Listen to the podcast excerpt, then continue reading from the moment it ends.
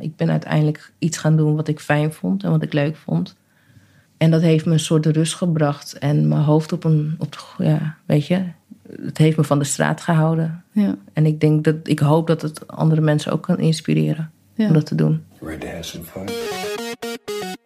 Let's do it. Hoi allemaal en welkom bij weer een nieuwe aflevering van De Makers. Ik ben Diede Vonk, zangeres en actrice. En sinds ik ook zelfstandig muziek en theater ben gaan maken, merkte ik net als veel van mijn collega-makers dat ik tegen een aantal dingen aanliep. Vragen als hoe krijg je je werk aan de man? Hoe hou ik mezelf productief? En wat doe ik als ik even geen inspiratie heb? Daarom ben ik deze podcast begonnen, waarin ik elke week een inspirerende maker interview en vraag om tips. Hallo en welkom bij deze zeer speciale editie van De Makers. Dit is namelijk De Makers drie jaar later. Ik interview in deze reeks de mensen die ik het aller, aller, allereerst heb gesproken drie jaar geleden. De Makers bestaat namelijk alweer drie jaar. Er is de afgelopen jaren ontzettend veel gebeurd in de carrières van de gasten die ik weer heb teruggevraagd. Ik kijk samen met hen terug naar hoe ze deze stappen hebben gemaakt. Ook luisteren we fragmenten terug uit de gesprekken toen om te zien of ze zijn veranderd. En mijn gast dit keer is Raquel van Haver. Raquel is kunstenaar en de vorige keer dat ik haar sprak stond ze met een zes zalen solo tentoonstelling in het Stedelijk Museum. Ze is nu nog maar net 33, dus voor haar 30ste had ze dit al voor elkaar gekregen. Maar wat doet dat met je? Zoveel succes op zo'n jonge leeftijd. En hoe ga je dan verder vanaf daar? Ze heeft de afgelopen jaren niet stilgezeten. Ze reisde de wereld over voor haar nieuwe tentoonstellingen en tijdens haar project over vrouwelijke rolmodellen in Colombia werd er een documentaire over haar gemaakt. En momenteel kan je haar op televisie zien als een van de juryleden in het programma Project Rembrandt. Hoe is ze in de afgelopen drie jaar gegroeid? En wat heeft ze voor adviezen voor makers nu? We hebben het over de veranderingen in de kunstwereld, over galeries, over NFT's, maar ook over onzekerheid en over grote toekomstplannen. Heel veel luisterplezier. Hier is Raquel van Haver. Raquel, Ja, welkom. dank je. Heel erg leuk dat je er bent. Heel fijn. Ehm, ja, weet je nog iets van ons gesprek van drie jaar geleden? Oh, nee, ja, wel een, kle- een klein beetje. We zaten echt in een achterkamertje op het kantoor van de Stedelijk, waar het heel rustig was. En we hebben toen ook echt wel best wel een fijn gesprek gehad. We waren altijd best wel tevreden met uiteindelijk eh, de uitkomst. Maar het was zo druk, zo chaotisch. En echt, mijn hele hoofd zat vol met allemaal emoties en chaos en vragen en dingen die ik opeens moest doen. Dus die, die periode is ook best wel in een soort van, ja, foggy-achtige vers- stroomversnelling of zo voorbij gegaan. Ja, snap ik. Ja. Ja, je, je stond toen net met jouw solo tentoonstelling eh, Spirits of the Soil in het stedelijk. Die stond daar al eventjes. Ehm, nou, daarna is extreem veel gebeurd in de afgelopen jaren. Kan je eens teruggaan naar de Raquel die je toen was, drie jaar geleden, als mens en als kunstenaar? Eh, ja, wat, wat typeerde jou toen? Ehm, precies drie jaar geleden? Ja, of ongeveer? Ongeveer, of iets daarvoor. Mag ook? Ehm, nee, ik denk ongeveer deze, deze periode zat ik echt in een rouwproces. Mijn moeder was toen echt net overleden. Dus echt net toen de show opende, daarna heb ik mijn moeder verloren. Dus ik was heel erg daarmee bezig. En ik wilde heel graag opbouwen. Dus ik ben eigenlijk alles, ik ben, ben weggegaan. Ik ben een tijdje, heb ik een tijdje in Zuid-Afrika gezeten. Bij vrienden van mijn kunstenaars. Ehm, en ik ben mezelf gaan opbouwen. Van dit moet anders, dit moet beter. Ik moet me echt focussen. Dus ik ben echt ook drie jaar geleden zoveel volwassener geworden. Ja? Ja. Want wat bedoel je precies met opbouwen? Gaat het over carrière of ook als, als Ah, mens na zo'n verlies? Echt persoonlijk Mhm. was dat. Ik was, ik was even alles kwijt. Er was heel veel gebeurd. Die periodes ook daarvoor met stedelijk het opbouw. En de, de aanloop daar naartoe. En de aandacht. En daarnaast ook gewoon heel erg in de privésfeer. Eh liep ook alles echt gewoon apart. Laten we het zo zeggen. Dus ik had even tijd voor mezelf nodig. En ik moest ook even gaan kijken van... oké, hoe ga ik nu verder na het stedelijk? Ik heb iets heel groots neergezet. Dat is supergoed. Wat wil ik nu doen? En toen ben ik uiteindelijk ben ik, eh, ben ik naar Colombia gegaan... omdat ik al een tijdje bezig was... en ook voor het stedelijk al... met verhalen over vrouwen in Colombia. Eh, sociale leiders, vrouwen die voor community staan... en bijvoorbeeld kinderen naar school helpen... of eh, veiligheid terugbrengen in de wijk... licht op straat bijvoorbeeld plaatsen... op, eh, moeilijke plekken, donkere plekken. Ah, ja. Waardoor het gewoon veiliger wordt. Uh, die worden veelal bedreigd of vermoord. Dat, dat zijn de verhalen die naar buiten komen. Maar die horen wij heel weinig eigenlijk in Nederland. In, dus die vrouwen die daarvoor strijden voor dit soort zaken. Er zijn mensen die dit heel lastig vinden. En dat, dat het is een heel politiek systeem die daar boven schuil gaat, uh, waardoor dit gebeurt. Mm -hmm. um, en je kan het niet aan één iemand of één groepering wijzen. Er zijn heel veel mensen en groepen bij gemoeid.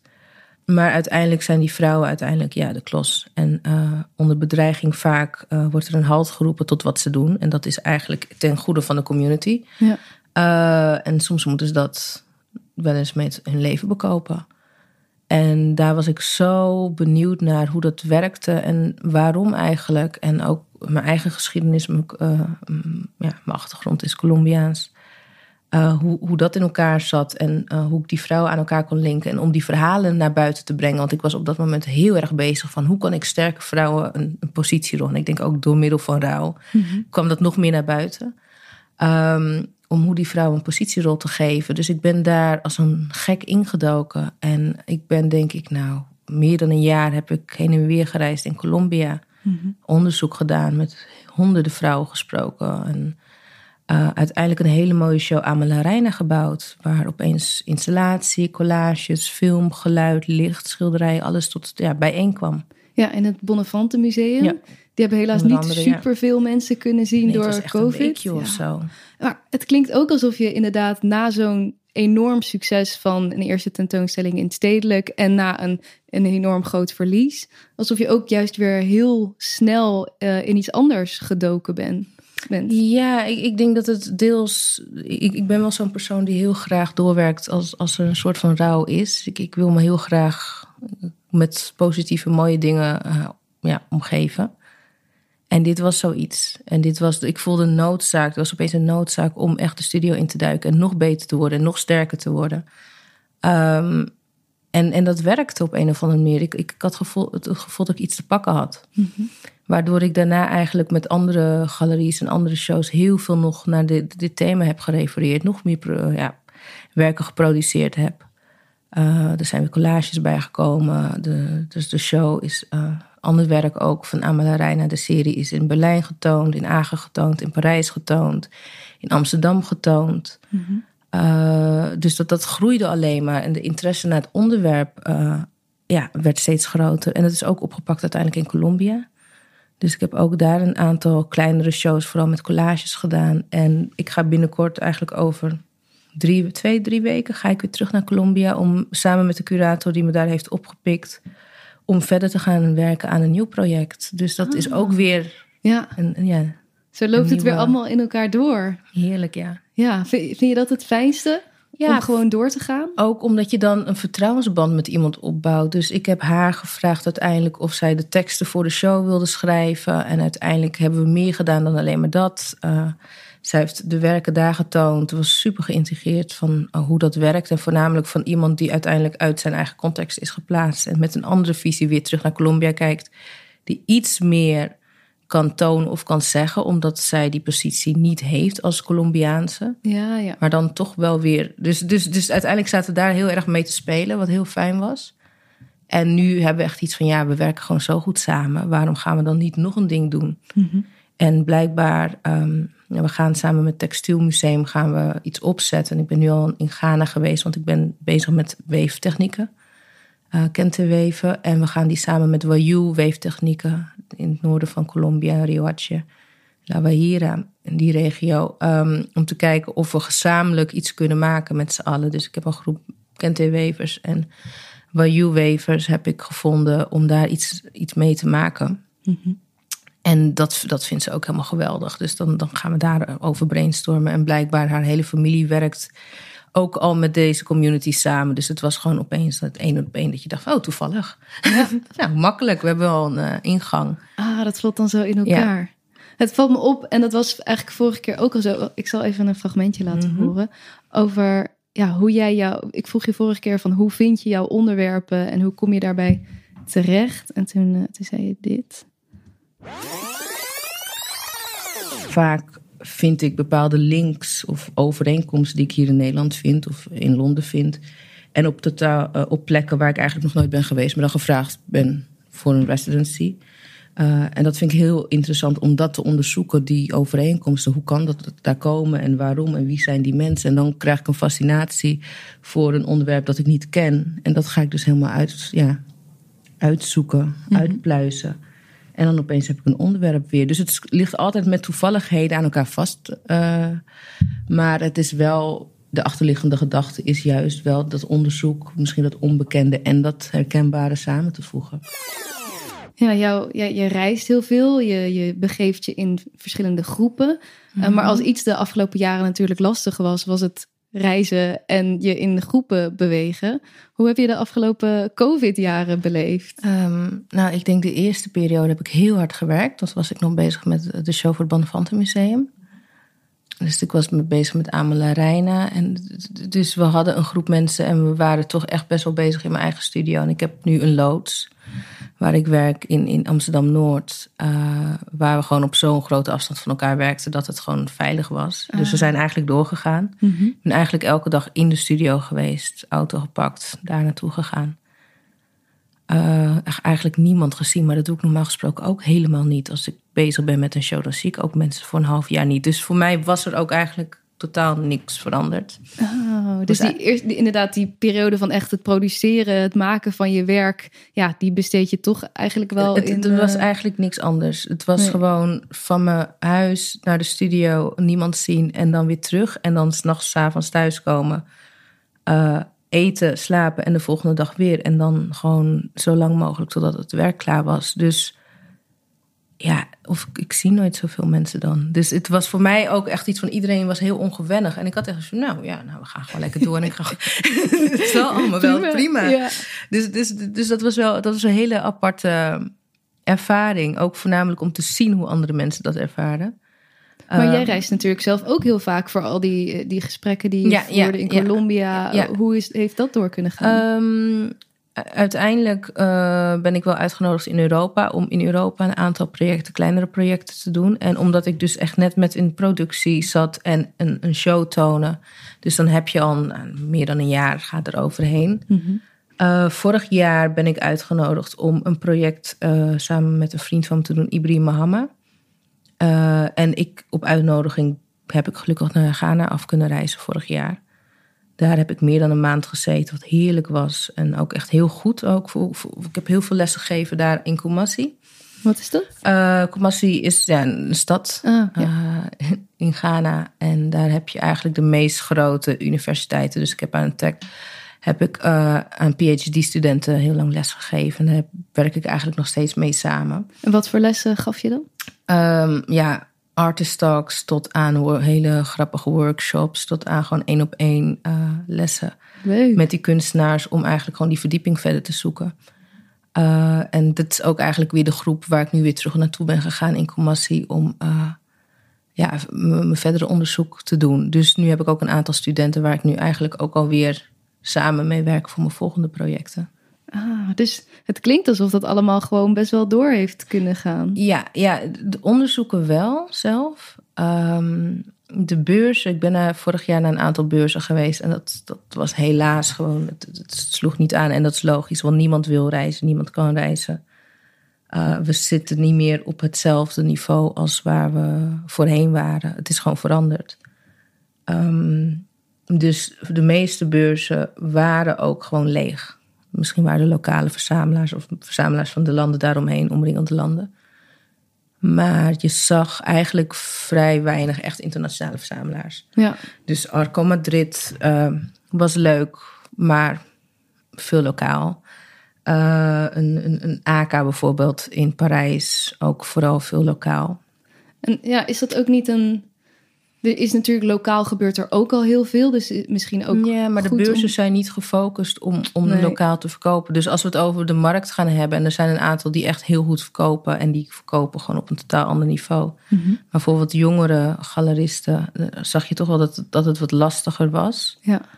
En je ziet gewoon dat heel veel kunstenaars toch weer even een nieuw stapje maken in hun carrière. Toch even meer vastigheid zoeken. Of misschien een collectief aangaan. Of noem maar op. Ja, dat ze andere mogelijkheden ontdekken.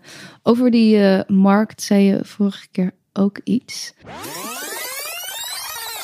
Wat je nu ook ziet, dat uh, galeries uh, toch een mindere positie op dit moment krijgen. Omdat veel kunstenaars nu toch ja, het zelf gaan doen. Of op mhm. een andere manier gaan samenwerken. Dus, dus er is best wel een verschuiving in de macht van bepaalde instellingen. En ehm, waardoor ook social media voor de individuele kunstenaar heel belangrijk gaat worden. Dus daar moet je ook weer mee zien te werken de afnemende macht van galeries en toenemende macht van social media. Hoe is dat, uh, is dat voor jou ontwikkeld de afgelopen drie jaar? En is dat zo ontwikkeld zoals je dat drie jaar geleden misschien dacht, of juist niet? Ja, misschien niet in het tempo of op de manier hoe, maar ik kom eigenlijk steeds meer collectieven tegen. Uh, en jonge kunstenaars vooral, die echt samen zijn gaan werken en die het verkoop ook dan. Uh, op zich nemen in plaats van een galerie. En ook mensen die toch denken: ik, ik werk niet meer samen met een galerie, ik doe het toch liever alleen. Ehm, dus in die zin heb ik wel het gevoel dat kunstenaars meer het recht in eigen handen nemen. En dat ze daar in hun zekere zin ook een soort van nieuwe marktwaarde aangeven aan hun werk. En de markt veranderen. Ja. Um, je hebt collectieven die nu ook naar beurzen gaan. Kijk naar Natal bijvoorbeeld, Zuid-Afrika.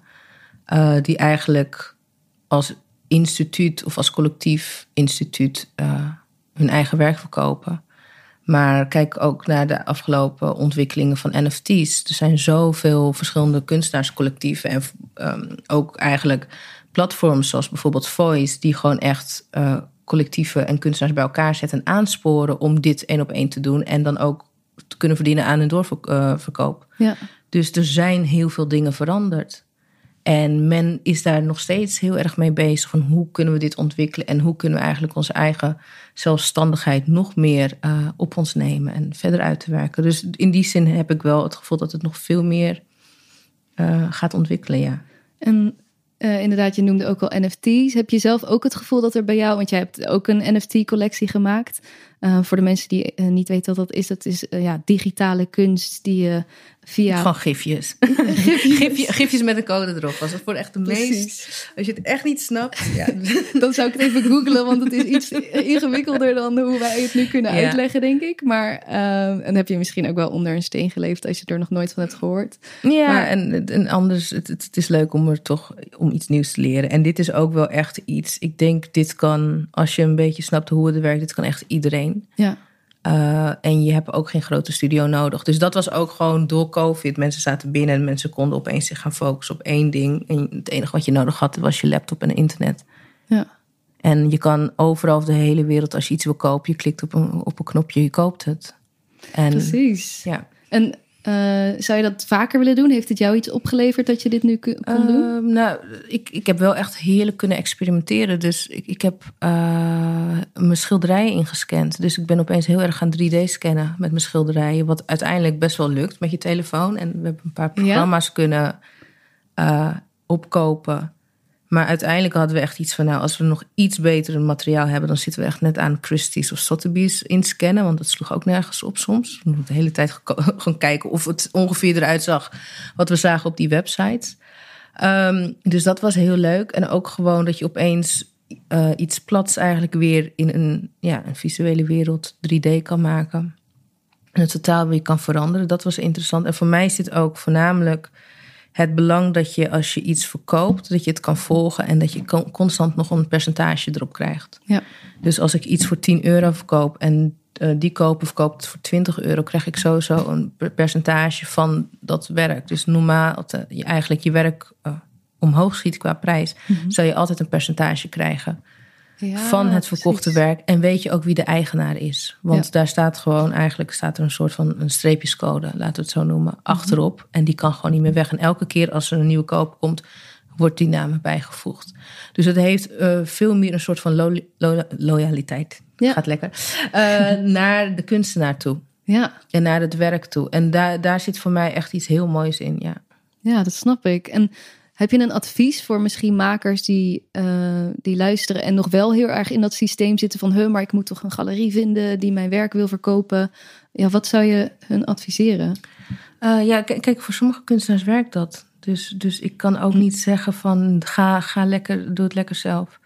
Maar vraag je wel af uh, wat, wat, wat, wat de galerie voor je kan doen, voor je kan betekenen. En je kan een schilderij op een muur hangen en daar geld voor vragen. Ik noem dat geen galerie, dat is gewoon iemand met een muur die daar geld voor vraagt. Ik denk dat de galerie echt wel meer taken heeft dan alleen maar dat. Mhm. Uh, en die ook op lange termijn uh, zijn kunstenaars bij kan staan en groter kan maken. Dat je samen groter wordt en dat je ook samen de diepte ingaat en uh, in de theorie en in alles wat, wat, waar de kunstenaar en het proces doorheen gaat.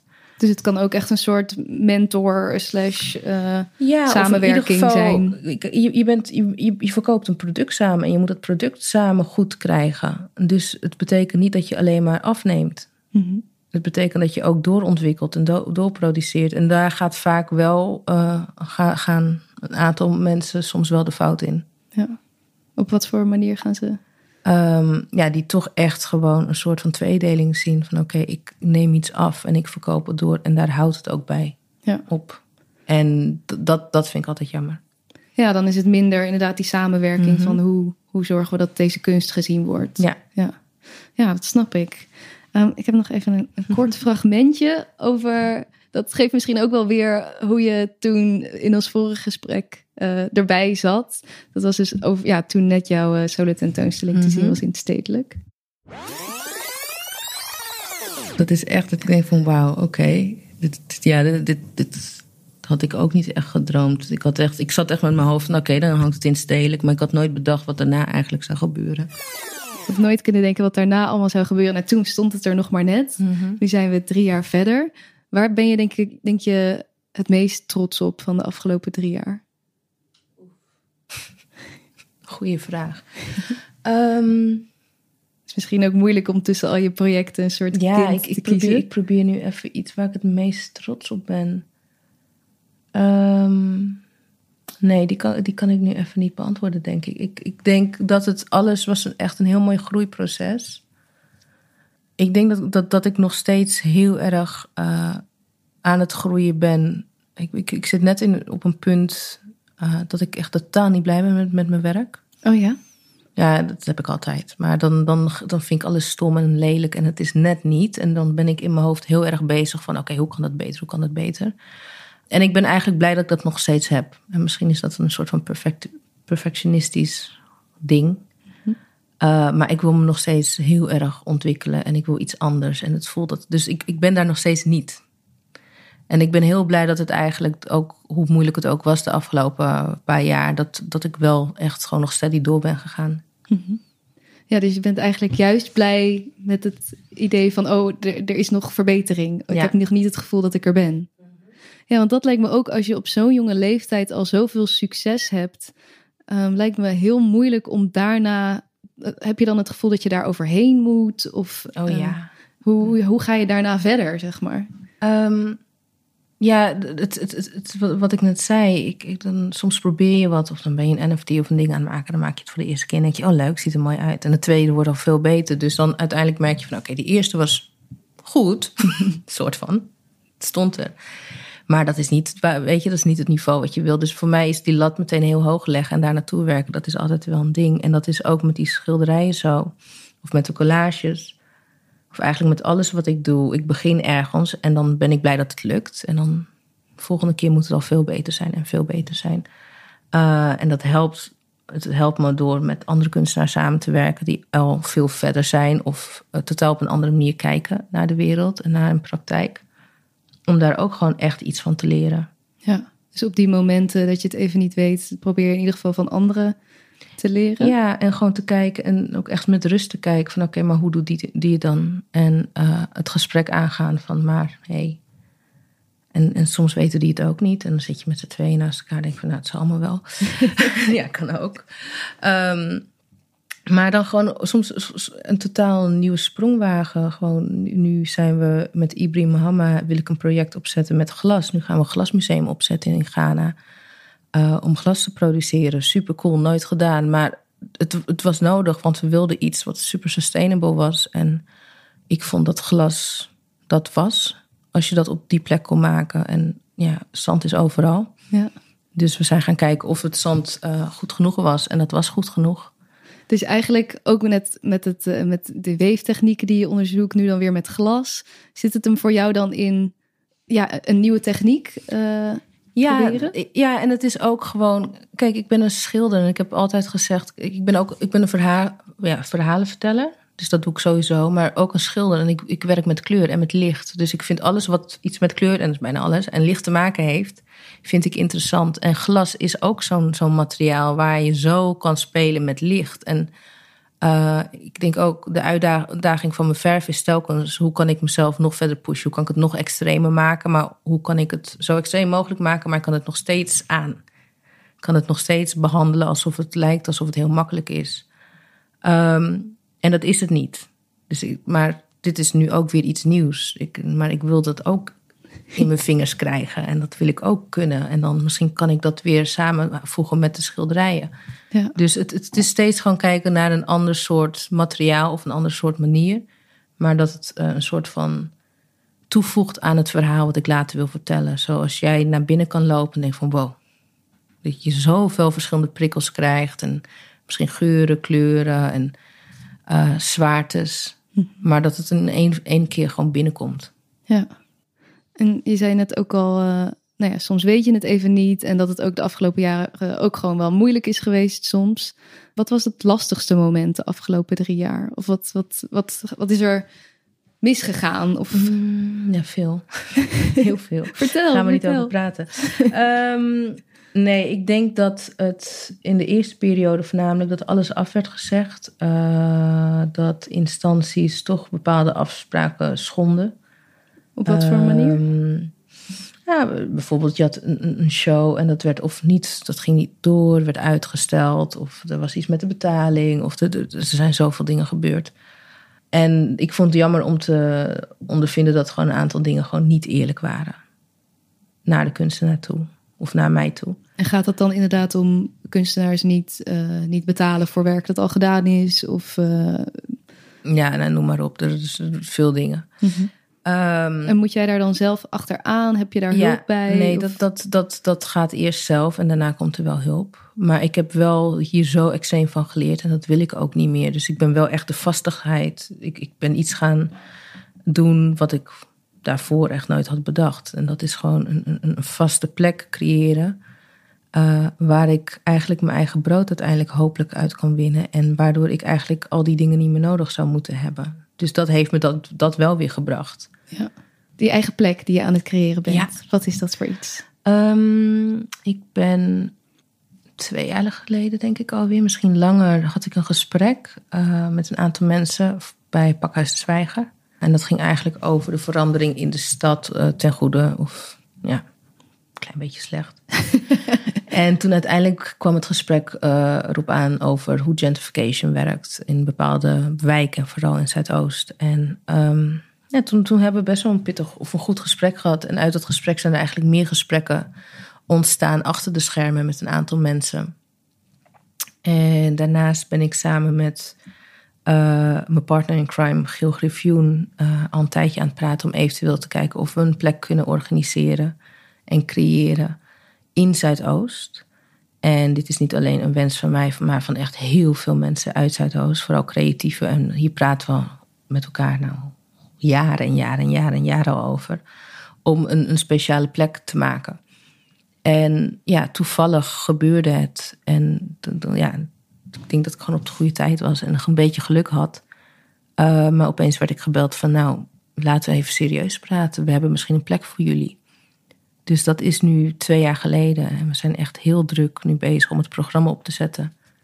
We hebben de locatie toegewezen gekregen, dus dat gaat allemaal goed. En wat is het precies voor plek? Wat, wat gaat, daar komen? Een soort mini-museum slash uh, artist in residence slash workshop space slash uh, atelier space slash... Nou, het, het, wordt een hub. Het wordt een, bij, een, een plek waar je bijeen kan komen.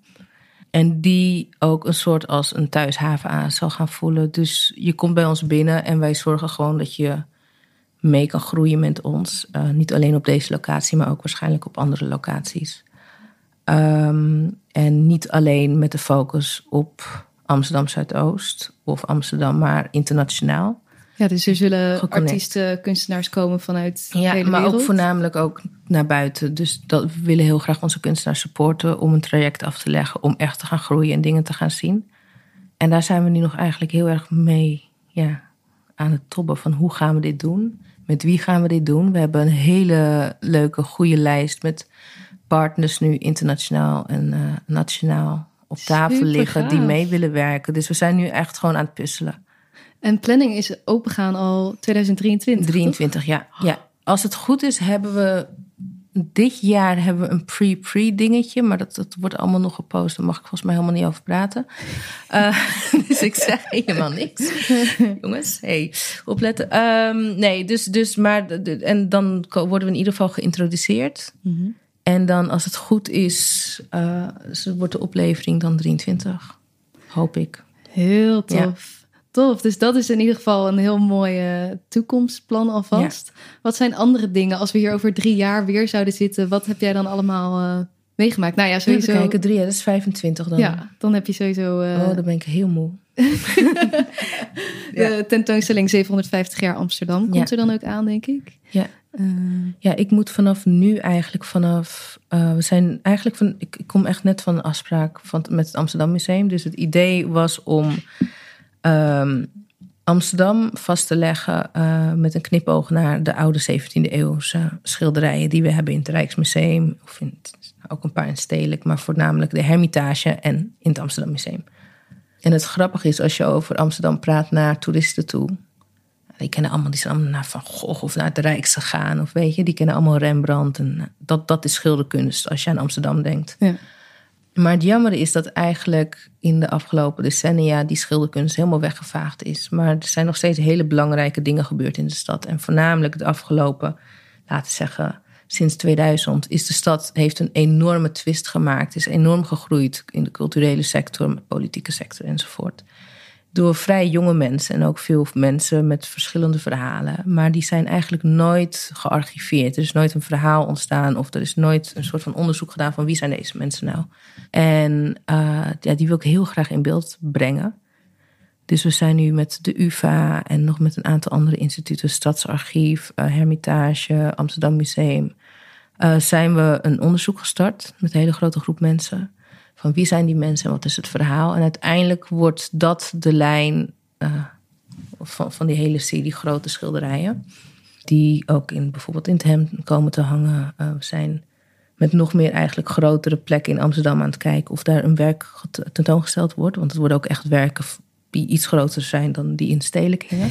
iets groter. Iets groter. Uh, die in het stedelijk was al 10 meter bij 4 mm-hmm. of zo, geloof ik, de grootste. Dus nou ja, voor de mensen die jouw werk nog nooit hebben gezien, dat zijn echt gigantische schilderijen. En, ja. Maar dit zijn allemaal werkdingen. Wat hoop je over drie jaar dat je, hoe hoop je dat je gegroeid bent als mens? Ja, ik, ik hoop dat ik gewoon beter erin ben geworden dan wat ik nu doe. En dat ik nog steeds gewoon geniet. Ik, ik denk dat dat het mooiste goed is. Gewoon gezondheid. En dat ik nog steeds geniet van wat ik doe. En dat het ook echt wel een soort van. Um, ja, ik zou, ik zou het jammer vinden als er geen. Uh, als er geen verandering achtergelaten wordt. Want als ik dit doe en denk je, mensen kijken ernaar en gaan gewoon weer door verder met hun leven. Mm-hmm. Ik hoop dat er wel een soort van bewustzijn gecreëerd wordt door, met het werk wat ik doe. En wat voor bewustzijn is dat? Ja, al is het maar het, het, het bijna een soort van educatieve geruststelling. Als je naar mijn werk kijkt en denkt van, oh, nou, dat wist ik nog niet. En dat je dan zelf een keer iets gaat googlen of dat je een keer een gesprek aangaat met iemand. Uh, of dat het echt je hele wereld opeens representeert. Dat zou helemaal geweldig zijn. Dat je helemaal blij wordt als je ernaar kijkt. Ik, ik heb ook nog steeds mensen die er heel boos van worden. Hm. Um, maar dat het, maar dat het iets, iets met je doet. Ja. ja. ja. En dat, dat, dat, ik hoop dat dat over een aantal jaar nog steeds zo is. Ja. Precies, dat je werk betekenis blijft ja. hebben en een langere betekenis dan mm-hmm. even tien seconden er langs lopen. Ja, en ook voornamelijk, kijk, dit grote project, het, het, is archiverend, het is echt ook meer dan alleen maar een leuk plaatje schieten. Het heeft, het, het heeft een link naar, het legt het naar de, naar de geschiedenis, het legt een link naar de diaspora, het legt een link naar het nu. En het, het, het toont iets, het is archiverend. Dus het, het, kunst hoeft niet alleen maar mooi te zijn. Het kan zoveel meer zijn dan alleen maar. En het gaat heel erg om representatie. En het gaat heel erg om, ook weet je, trotse representatie. Je mag er zijn, mensen mogen er zijn. Ja, en jij, jij wil die mensen laten zien, mm-hmm. hun verhalen vertellen. Ja, ja ik, ik weet zeker dat je dat nog heel goed gaat doen. Uh, dat er heel veel moois uit gaat komen de komende jaren. Um, ik wil je tenslotte. Um, ik vraag altijd op het einde om een soort advies voor andere makers, uh, uh, artiesten. Vorige keer gaf je dit als advies. Gewoon zeker zijn van je zaak. Als iemand iets zegt over je werk en je denkt van nou, het zal wel dan ook gewoon laten. Ja. Want jij, jij, bent de enige die, er, die weet wat, wat het betekent en wat het inhoudt en hoe ver het is. Dus in die zin moet je gewoon wel echt true aan jezelf blijven. Ja. Um, maar ben je dan nooit onzeker geweest van... is mijn werk wel goed genoeg? Ja, tuurlijk, nog steeds. Ja? Ja, ik vond het doodeng, die opening hier. dat is echt niet goed.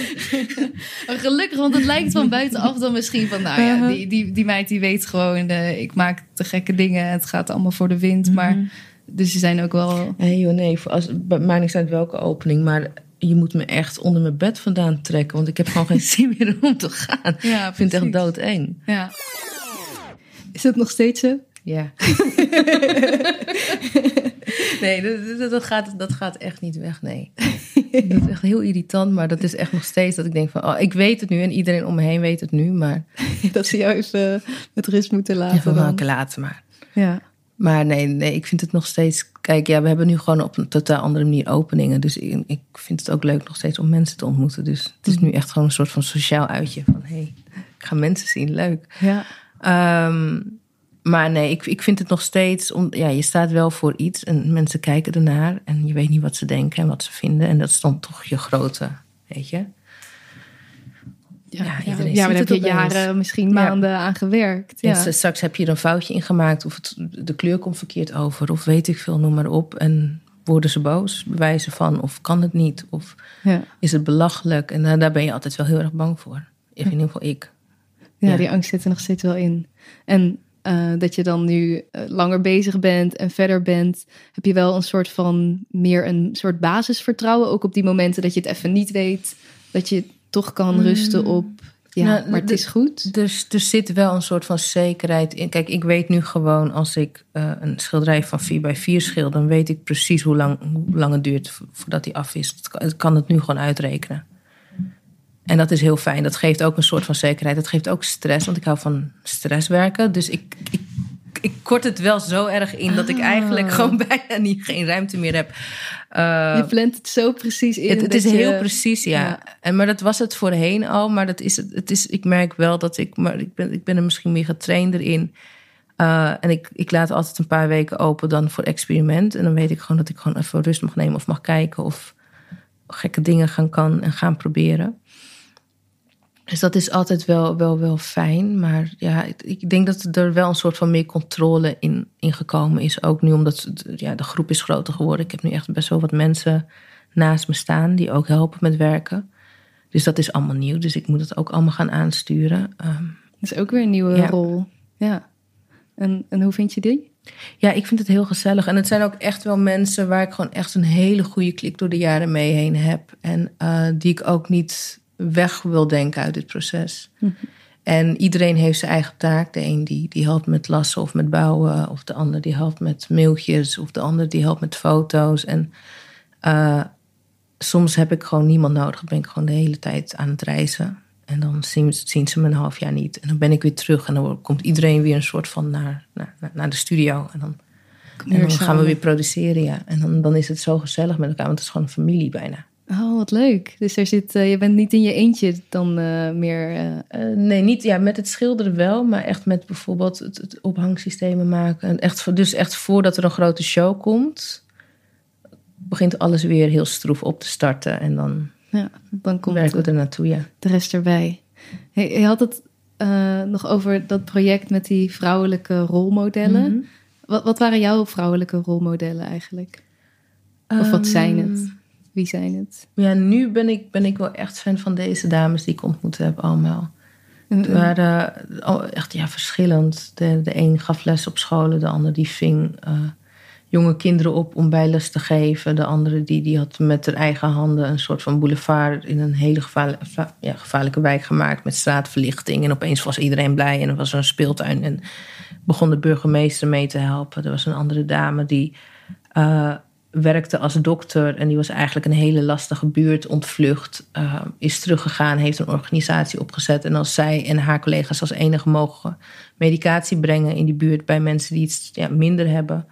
uh, omdat het eigenlijk verboden is door gangleden om daar te lopen, want anders word je neergeschoten. Het lijkt dus dus de, iedereen heeft een totaal andere missie daar. Ja. Maar ze zetten zich gewoon in uh, voor de medemens. En dat is heel mooi om te zien, vooral omdat veel van die vrouwen echt bijna ook niks hebben. En dan toch dat. Maar er is, ze vinden een power om het wel te doen. En dat is een vorm van naaste liefde. En dat, dat is zo extreem inspirerend. En daar kunnen we echt wel een voorbeeld aan nemen. En hoe zou jij het liefste een rolmodel willen zijn? Oh, dat vind ik altijd eng. ja, snap ik. Het is ook nogal wat natuurlijk. Um, nee, ik hoop dat ik gewoon mensen, of, of ik, ik, vooral jonge mensen, kan inspireren om gewoon het doorzetten. Voornamelijk hoe lastig het ook is en hoe lastig het vroeger ook was. Uh, dat er altijd wel een uitweg is. En dat kan je door middel doen van je er tegen te verzetten. Maar je kan het ook gewoon. Ja, ik ben uiteindelijk iets gaan doen wat ik fijn vond en wat ik leuk vond. En dat heeft me een soort rust gebracht. En mijn hoofd op een. Op, ja, weet je.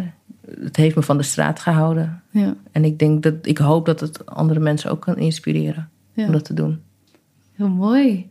Heb je tot slot nog één advies voor uh, mensen die nu luisteren? Mm, Oké, okay, dus ik wil even kijken. Die vorige, dat vorige advies was niet luisteren. nu gaat mijn advies zijn wel luisteren. Ja, nee, openstaan voor, voor elkaar, denk ik. Ik denk voornamelijk nu, en helemaal omdat iedereen gewoon nu helemaal moe is en geen zin meer heeft.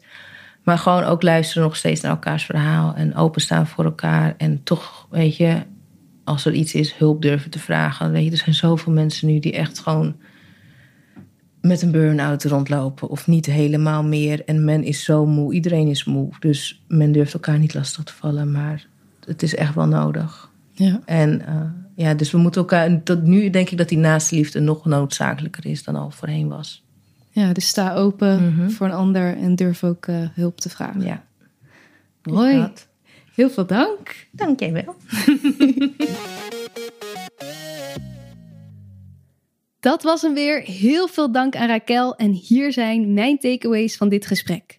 1. Hou jezelf bezig. Na haar grote solo-tentoonstelling in het stedelijk hielp het voor Raquel om juist niet stil te blijven zitten, maar betekenis te zoeken in haar werk.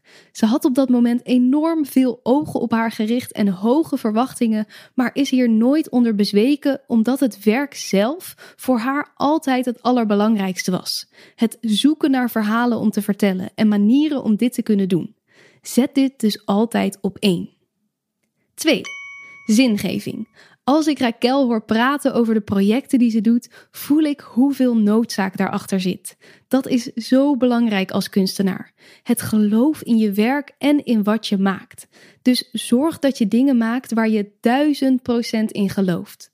Dan zal het ook hard werken zijn, maar blijft de passie en het vuur levend. 3. Weet dat er als kunstenaar altijd meer opties zijn buiten de gebaande paden om. Het traditionele idee van een galerie die enkel dienst doet als een muur waar jouw werk mag hangen, is best wel achterhaald. Onderzoek dus ook andere manieren. Zorg dat je bij zo'n galerie echt samenwerkt. Of investeer in social media, in NFT's. Organiseer andere evenementen. Wat dan ook. Treed buiten je comfortzone en spreid je kansen. 4. Zoek hulp bij anderen. In tijden dat Raquel het zelf even niet meer weet, vraagt ze hulp aan kunstenaars die al langer bezig zijn. Binnen de creatieve wereld kan soms, en ik denk ten onrechte, het gevoel heersen alsof je allemaal elkaars concurrent bent. Ik geloof juist dat we allemaal elkaar verder kunnen helpen en dat onderling contact onmisbaar is. Dus vraag hulp aan anderen die jouw pad op een andere manier al eerder bewandeld hebben. 5. Sta open. In deze tijd en ook zeker tijdens COVID zijn veel mensen een beetje naar binnen gekeerd. Maar zoals ik in de vorige tip ook al zei, we hebben elkaar nodig. Dus sta ook open als een ander bij jou langskomt voor advies. Deel samen je lessen en je struggles. Dan creëren we uiteindelijk met elkaar samen een sterkere kunst- en cultuursector. Nou, halleluja, ik uh, voel bijna een soort We Are The World nummer opdoemen, maar ik meen het echt en ik geloof hier echt in. Dank voor het luisteren. Als je dit een leuke aflevering vond, dan zou ik het dus weer ontzettend leuk vinden als je ons dat laat weten. Dus tag de Makerspodcast of deel deze aflevering met een vriend of vriendin. Ook kan je de podcast steunen met een klein bedrag op petje.af slash demakerspodcast of via een tikkie op demakerspodcast.com slash downloads waar je dan ook nog een hoop leuks voor terugkrijgt. Waaronder een e-book met alle opdrachten uit mijn solo-podcasts, een e-book met 400 maak- en inspiratietips, een lijst met hoe en waar je subsidies aan kan vragen en 40 inspiratievideo's van eerdere gasten. Tot de volgende keer en ik wens je in de tussentijd heel veel maakinspiratie toe. Vond je dit een leuk gesprek? Abonneer je dan op de podcast en volg de Makerspodcast op Instagram en Facebook. Delen of een recensie achterlaten is super fijn en laat het me vooral weten als er gasten of vragen zijn die je graag terug hoort in de podcast. Volgende keer staat er weer een bijzondere, inspirerende nieuwe aflevering voor je klaar. Deze podcast werd gemaakt door mij, Diede Vonk. De mixage is door Sonja Vos en de muziek is van David Schwartz. Tot volgende keer!